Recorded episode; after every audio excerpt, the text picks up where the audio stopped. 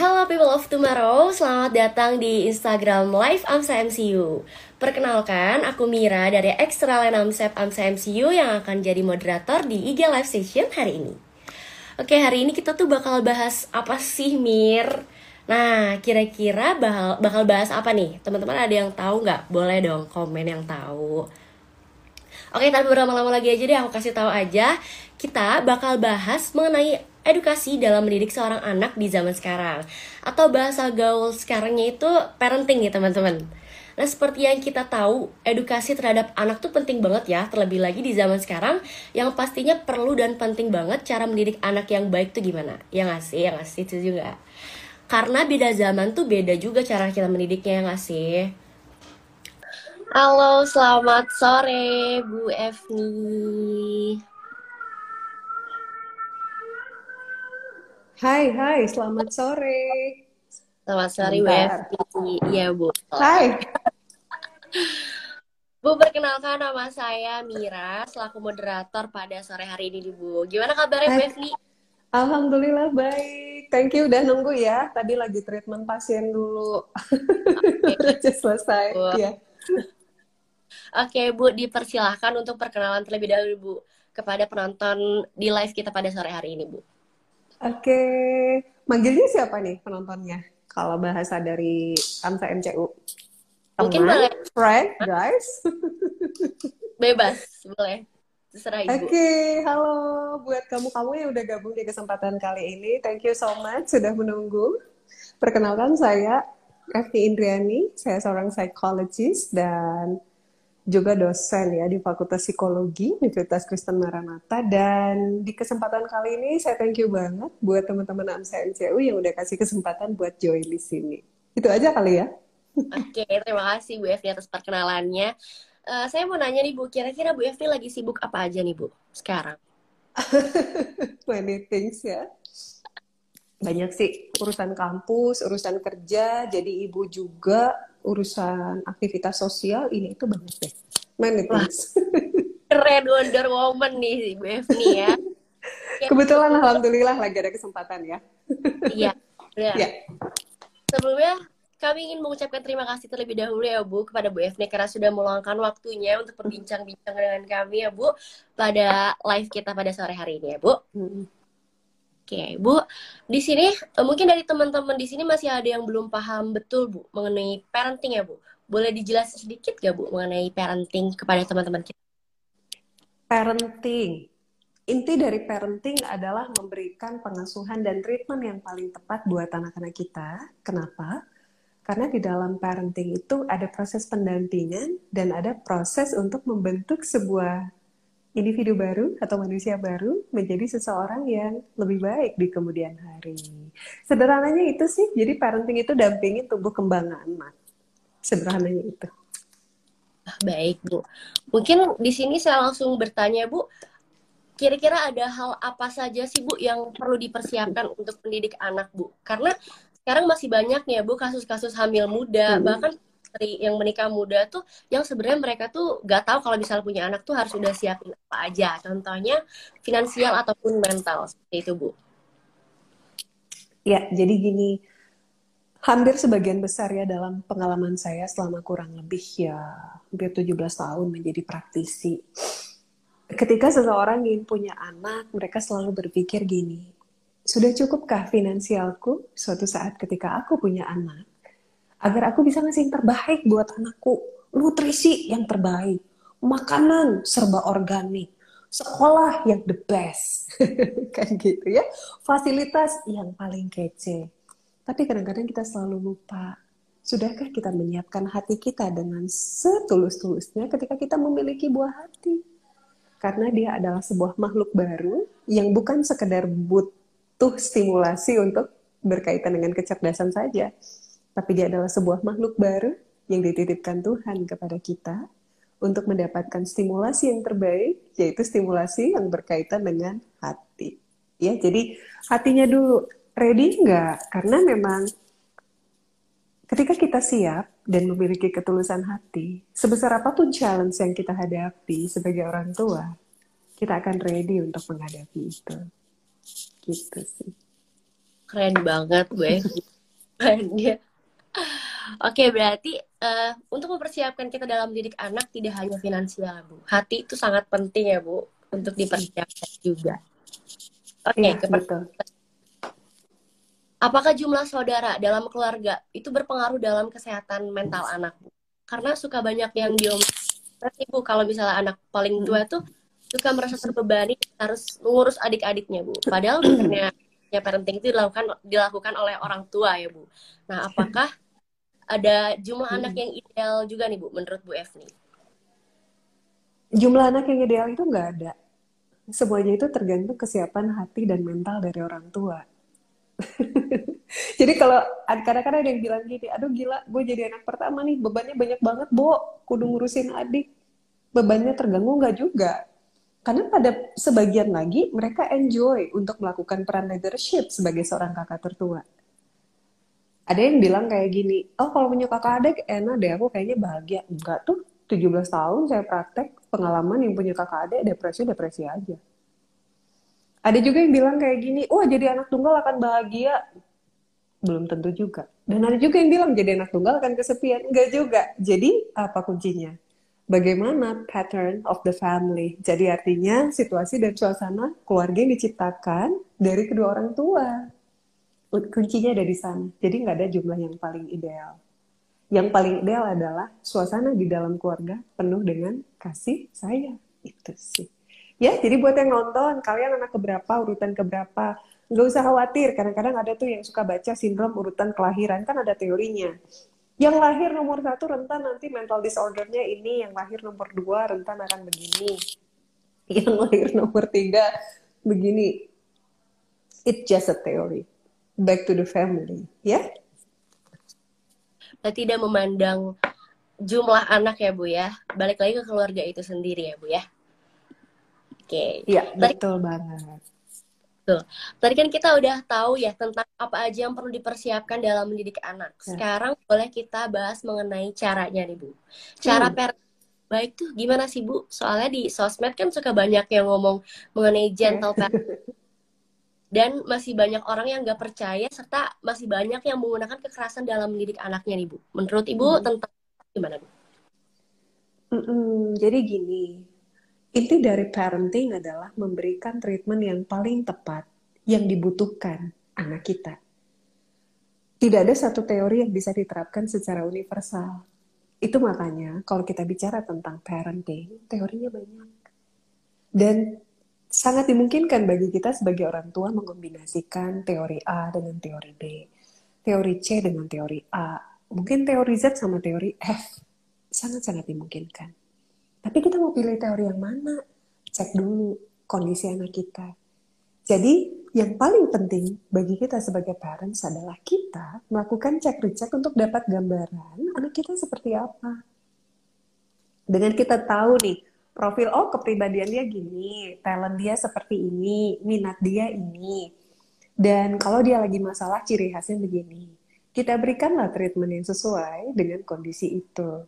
Jadi kadang-kadang jangan memaksakan oke okay, aku baru saja lulus dari short course parenting class dan aku pengen nih nerapin teori ini buat anak aku.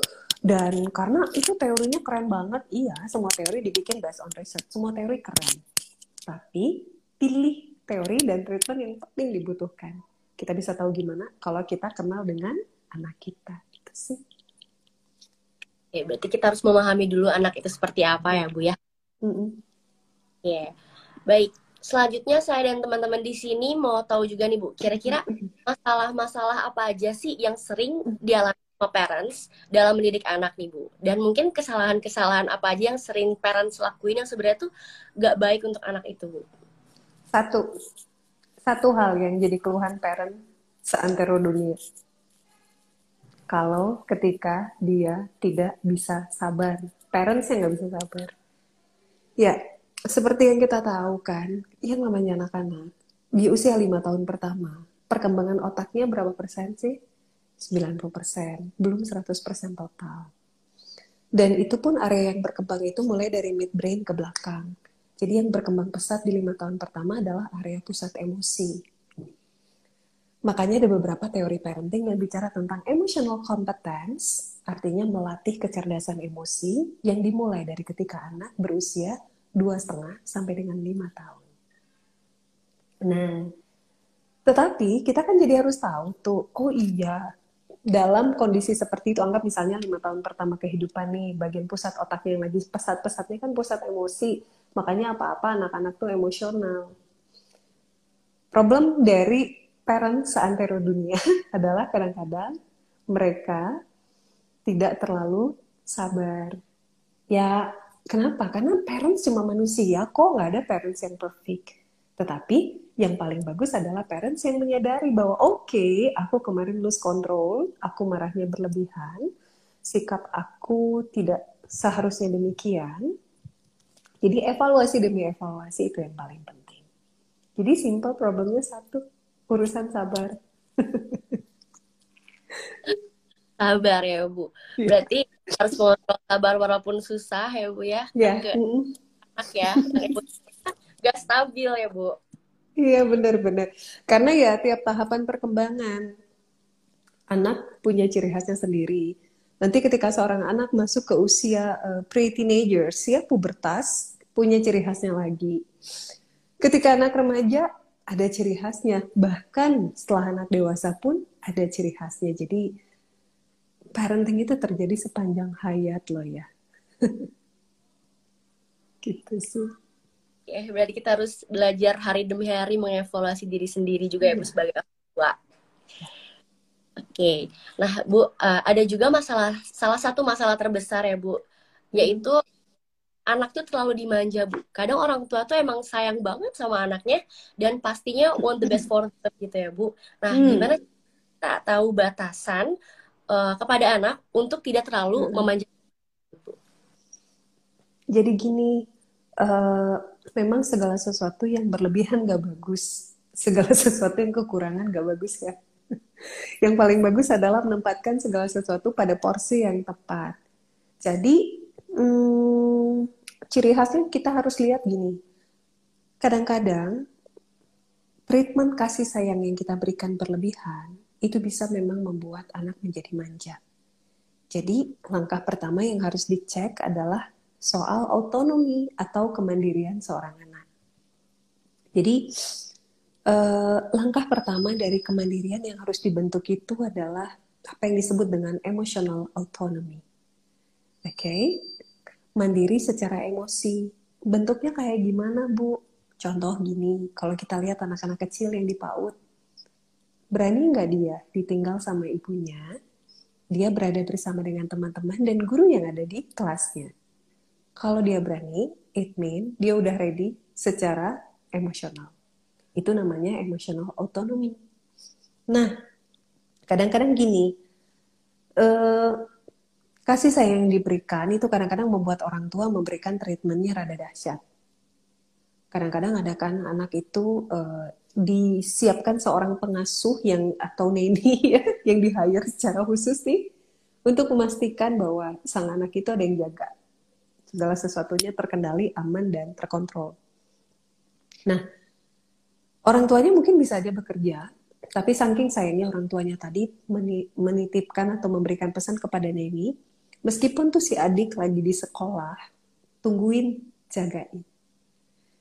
Oke okay lah, kalau misalnya hmm, hmm, pada saat apa ya, misalnya pada saat dia di kelas, dia happy, ada guru, ada teman.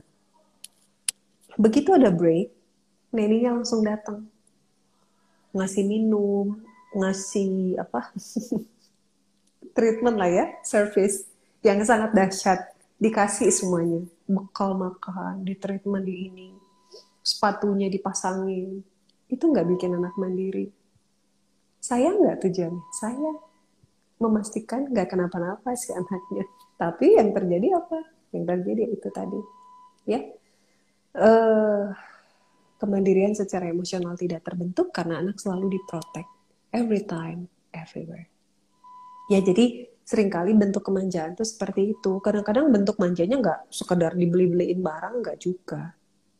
Ya, berapa banyak orang tua yang kadang-kadang Aku nggak ngasih barang atau mainan berlebihan, kos cukupnya buat anakku. Tapi proteknya yang berlebihan. Itu ya. Jadi udah uh, tahap pertama kalau anak-anak ya emotional autonomy. Jadi artinya dia ready untuk survive. Even di tempat itu tidak ada ortu, tidak ada penjaga, tidak ada keluarga, dia hanya ada guru dan teman, dia ready untuk mandiri, gitu ya. Oke, berarti proteknya jangan terlalu berlebihan ya Bu, sebagai orang tua agar anak tuh bisa lebih mandiri ke depannya gitu ya Bu. Oke, kita lanjut ke masalah mengekang Bu. Nah, di sini kira-kira kita kapan sih uh, orang tua sebagai orang tua tahu batasan untuk tidak terlalu mengekang anak Bu? Kayak kasus waktu kecil misalnya dia dijaga banget sayang banget sehingga jadinya saat dewasa itu dia gampang takut akan suatu hal seperti itu. Ya, jadi um, apa pun yang sebenarnya dilakukan orang tua kan niatnya baik ya. Wanna give the best for the kids ya, for the children. Tapi kadang-kadang yang jadi problem gini, uh, kita itu lupa ya kita harus ingat ya as a parents kita harus ingat dalam tujuh tahun pertama kehidupan perkembangan sistem syaraf yang berkaitan dengan kecerdasan, emosional, social relation itu lagi dahsyat di otaknya anak. Dan untuk menstimulasi perkembangan itu, seorang anak itu butuh diberikan kesempatan untuk explore, ya. Nah, kalau ternyata memang kadang-kadang explore anak itu memang bisa membahayakan. Tetapi hal yang harus diingat oleh seorang tua, si anak kadang melakukan sesuatu karena di dalam otaknya seorang anak itu tuh hipotesanya banyak loh, banyak banget. Ya, jadi ada hipotesa A, hipotesa B, hipotesa C, yang semua hipotesa itu sebenarnya pengen dia buktiin. Is it a truth? Gitu ya. Nah, jadi kalau kondisinya seperti itu, hal yang perlu kita perhatikan dan yang perlu kita pastikan adalah hmm, bahwa uh, kita memberikan batasan dan proteksi tadi. Memang kalau segala sesuatu yang berkaitan dengan eksplorasi anak tersebut, itu memang sudah sifatnya amat sangat membahayakan gitu loh. Jadi Contoh dia explore, aku pengen tahu api kayak apa, panasnya gimana, dia otak-atik kompor gas misalnya. Itu berbahaya. Karena itu memang rentan ya, kebakaran, luka, ya dan seterusnya. Oke, itu di stop. Kadang-kadang anak penasaran dengan hal-hal yang sifatnya di tanah, atau di rerumputan, atau di sekitar, ya udah nggak apa-apa, biarkan dia explore. Dia lebih dekat dengan alam, itu akan jauh lebih baik untuk tumbuh kembang otaknya. Jadi hal-hal seperti itu sih dalam hal proteksi atau memberikan batasan tadi. Jadi kalau segala sesuatunya, oh ya udah, hmm, ntar aja deh mama ambilin buat kamu atau mbak nanti yang akan ambilin. Anaknya diem aja nggak ngapa-ngapain, explore-nya nggak ada, dia nggak pernah ketemu sesuatu yang sifatnya bahaya, dia selalu berada pada comfort zone, dia segala sesuatu dilayani, ya the best service, dan mindsetnya akan terbentuk nanti akan jadi sesuatu yang berbeda. Dia akan kebentuk mindset kayak gini. Easy to get everything. Karena pasti datang buat gue, ada yang bantuin, dan selesai. Itu nggak bagus untuk perkembangan kepribadian dia ketika dia nanti setelah dewasa. Ya, jadi yang seperti itu jangan. Jangan sampai dilakukan. Kenapa? Karena kan kita pengen anak kita jadi pribadi yang tangguh kan di kemudian hari. Ya, tantangan dan ujian serta challenge masa depan itu makin lama makin besar. Jadi kalau nggak dikasih kesempatan dari kecil dengan explore, jangan. Ya, gitu. Ya, berarti seorang anak ini mengeksplor hal baru terlebih dahulu. Tentunya di bawah pengawasan orang tua untuk tahu hmm. batas di mana nggak bisa lewat batasan itu ya, Bu ya? Iya, betul, betul sekali. Oke. Sekarang mengenai strict parents nih, Bu. Nih, di FYP TikTok saya suka lewat tentang strict parents nih Bu. Nah, pendapat Bu Evni ini sendiri mengenai parents itu gimana sih dan dampak apa yang bakal terjadi pada anak akibat pengaruh strict parents ini nih Bu? ya, wajar sih ya kalau sekarang itu banyak istilah ya karena uh, sebenarnya istilah itu dimunculkan dari hasil eksperimen dan kemudian membuat summary ya bikin kesimpulan. Jadi sebenarnya kayak gini, kalau kata saya sih um, dalam parenting itu ada seperti kayak layangan gitu loh. Jadi kadang-kadang memang segala sesuatu yang sifatnya ada batasan, strict, kemudian segala sesuatu yang sifatnya memang diwajibkan atau kadang-kadang harus dilonggarkan itu memang begitu parenting. Tapi makanya tadi pesan saya jangan mengadop salah satu teori parenting aja. Jadi istilah parenting apa pun, teori apa pun, fine, gak apa-apa. Tapi kita cek sistemnya kayak layangan, tarik ulur kan. Pada satu titik ini kondisinya harus ditarik nih, pada kondisi lain harus diulur. Gak apa-apa. Jadi biarkanlah uh, teori parenting terus berkembang, muncul berbagai istilah, berbagai strategi, berbagai metode, karena memang kadang-kadang mungkin pada certain condition kita butuh terapin itu, tapi di kondisi yang lain kita pakai cara lain dong. So, no problem buat itu. Ya. Yeah. Oke, okay, no problem ya, Bu. Iya. uh, Oke. Okay. Selanjutnya nih, Bu. Kira-kira apa aja sih tanda-tanda atau misalnya sign yang perlu diperhatikan oleh orang tua bahwa mereka tuh sudah melakukan pola asuh anak yang salah nih, Bu? Apakah ada tanda-tandanya? Ada, ada tanda. Cek gini. Jadi buat para parents dicek dulu ya, dicek dulu Nomor satu, cek dulu anak kita saat ini usianya berapa. Mm-mm. Anggap misalnya 4 tahun, 5 tahun, 6 tahun, 7 tahun. Nah, yang paling benar, cari dari buku, buku-buku perkembangan anak yang ternyata memang buku tersebut teruji secara saintifik. Ya.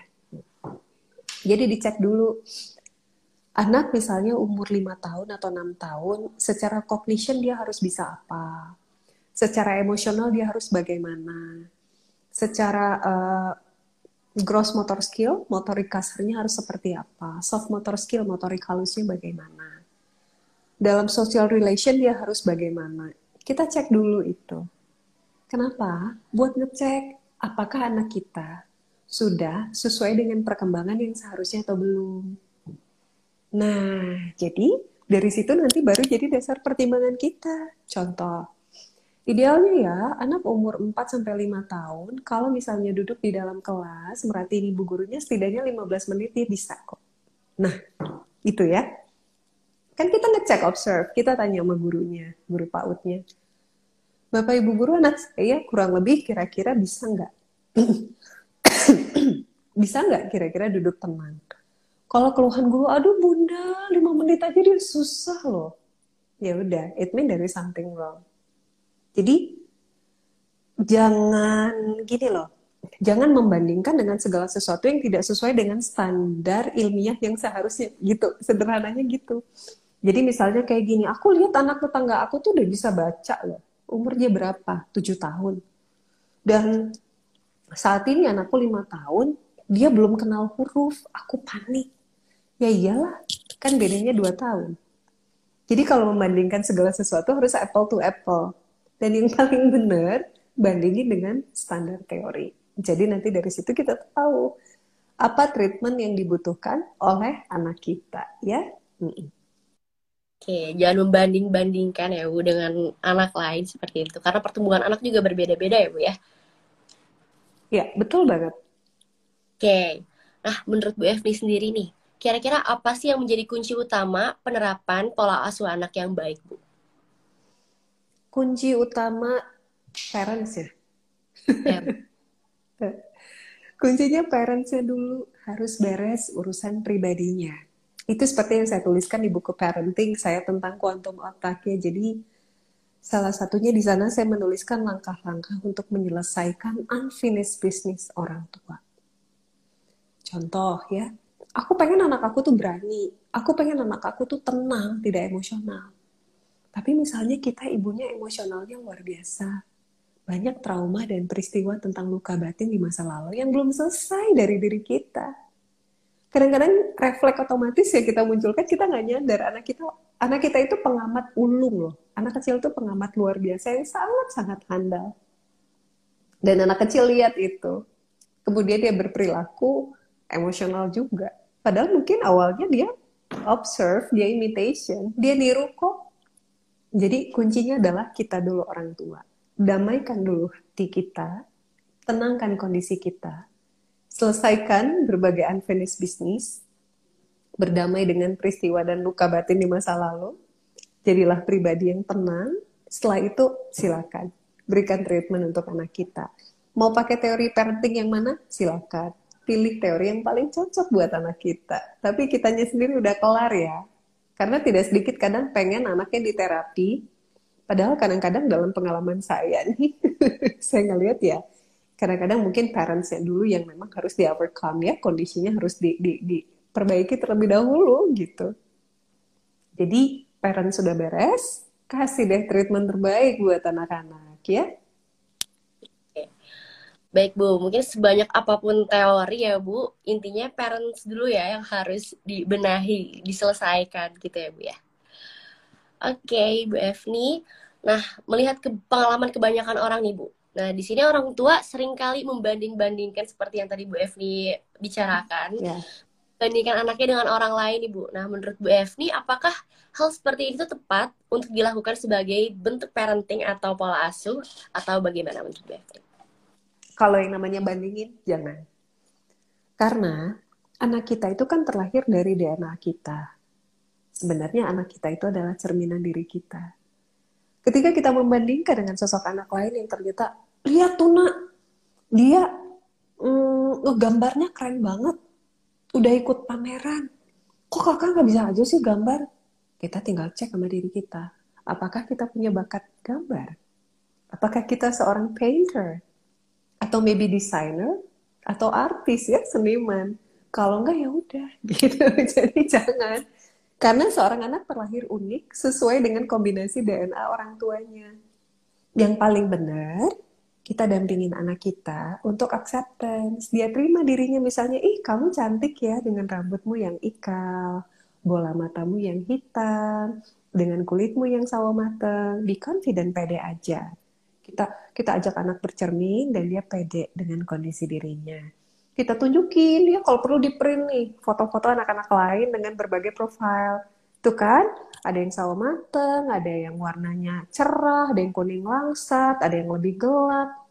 Semuanya terlahir pada dasarnya keren kok karena Tuhan udah ciptakan kita dengan keunikan masing-masing. Nah jadi bantu dia untuk acceptance dan enjoy dengan ciri khas morfologi fisiknya dulu. Itu nomor satu setelah itu baru deh kita bisa lanjut lagi ke tahap berikutnya. Kita sama-sama mendampingi anak untuk explore apa yang jadi kemampuan dia. Memang kalau pengen lebih gampang sih ya bawa ke profesional, ya misalnya ke psikologis untuk dilakukan pemeriksaan bakat. Itu udah clear ya, objektif. Uh, tapi kalau seandainya eh belum ada waktu nih mau dibawa ke profesional, tapi aku mau deh dampingin anakku buat explore ya, explore dia boleh coba semua hal dan sampai dia comfortable pada salah satu activity yang dia rasa kayaknya ini talentnya dia deh. Misalnya dia bilang, bun bun aku happy banget deh kalau nyanyi, tapi aku disuruh gambar aku kayaknya pusing kata anaknya. Apalagi kalau udah lima tahun ke atas udah pinter ngomong ya, udah ngasih tahu. Oh kamu senangnya nyanyi? Lagu apa lagi yang kamu pengen nak? Coba aja. Kadang-kadang kalau memang anaknya ready, trial ya trial misalnya ke tempat short course atau les atau apa pun lah namanya itu. Mm-hmm. les vokal dilatih. Makin lama anaknya makin enjoy dan makin bisa. Kan anaknya ketemu tuh self confidentnya oke okay. aku seorang yang bisa nyanyi aku bisa olah suaraku gitu. Jadi jangan pernah membandingkan ya karena tiap anak diciptakan Tuhan itu unik. Bahkan yang kembar pun bakatnya nggak sama yang paling gampang kita lihat tokoh yang kembar yang kita tahu siapa. Kaseto. Kasetonya psikolog, kembarnya jadi dokter. Kasetonya bilang, pengen ikut tes kedokteran tapi nggak lulus. Saya, co saya cocoknya ternyata jadi psikologis. Kembar loh ya, kembar identik kan mirip.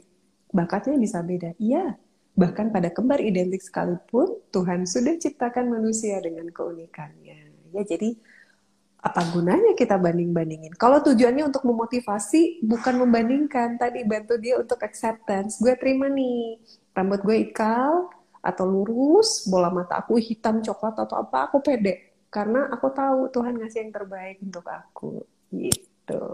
Ya. Setuju banget. Karena Bu Evni ya, emang Tuhan menciptakan masing-masing seorang anak tuh dengan kelebihan dan ciri khasnya masing-masing ya Bu ya. Jadi tidak bisa dibanding-bandingkan atau disama-samakan dengan anak lain. Oke, masih seputar pengalaman kebanyakan orang Ibu. Nah, sering kali mm -hmm. banyak anak-anak kesulitan dalam berbagi cerita dengan orang tua mm -hmm. mereka. Yeah.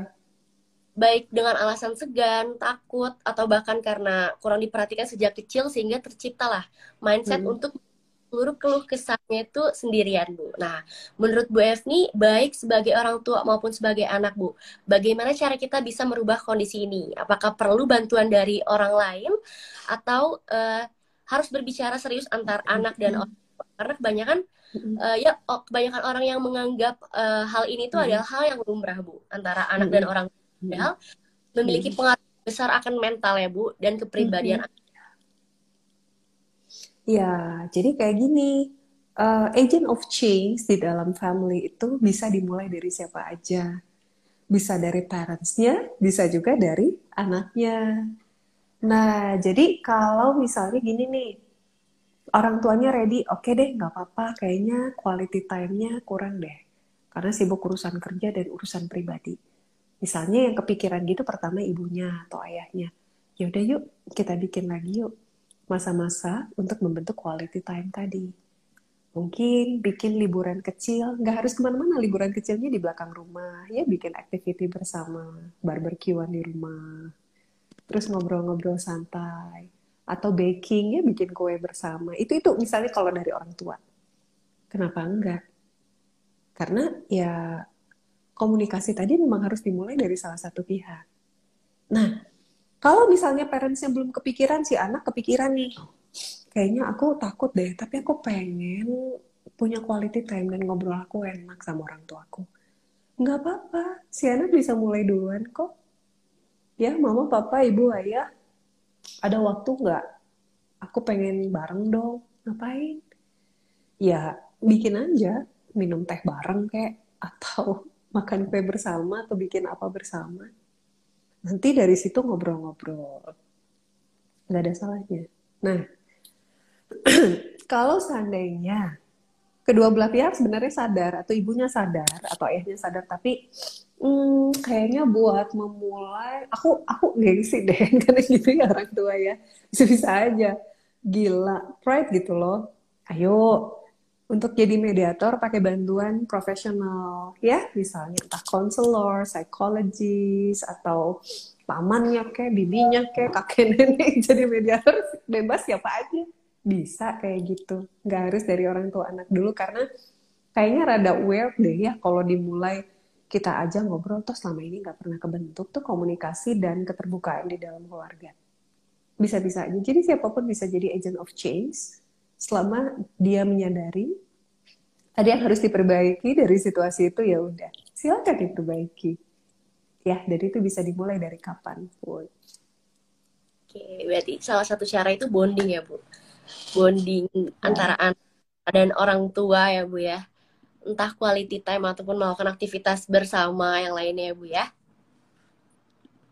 Oke, mungkin dari teman-teman jika ada yang ingin bertanya dipersilakan di comment sectionnya ya, diisi aja. Saya tunggu sampai 15 lewat 55.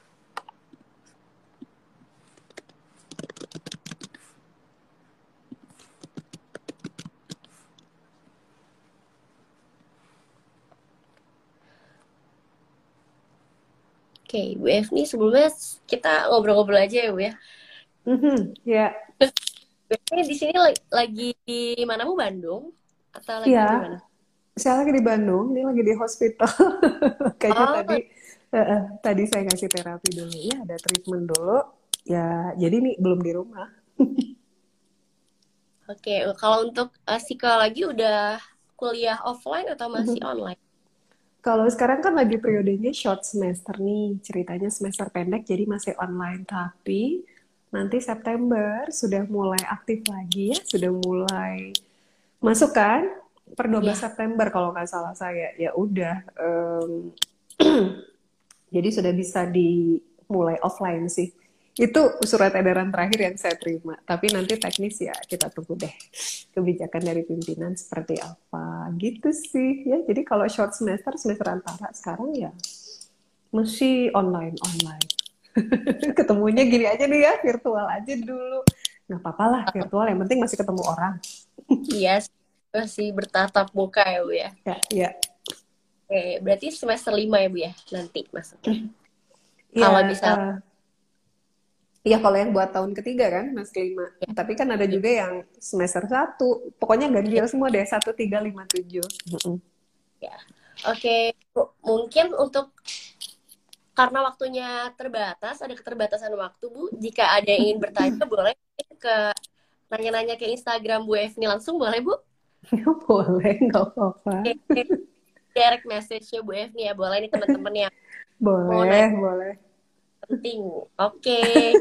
Gak kerasa nih WF nih udah 30 menitan aja kita ngobrol-ngobrol nih seru banget bawaannya pengen ngobrol terus sama Bu Evi karena udah sore karena Bu Evi mungkin ada aktivitas lain ya Bu sekali lagi terima kasih Bu Evi atas ilmunya kita bagaimana cara mendidik anak di zaman sekarang tuh gimana sih? Oke, okay. mungkin dari Bu Evni sendiri ada mm. closing statement nggak untuk kita semua di sini nih Bu? Um, Oke, okay. closing statement buat saya sendiri juga, oh. buat semua dan buat saya artinya to remind myself ya.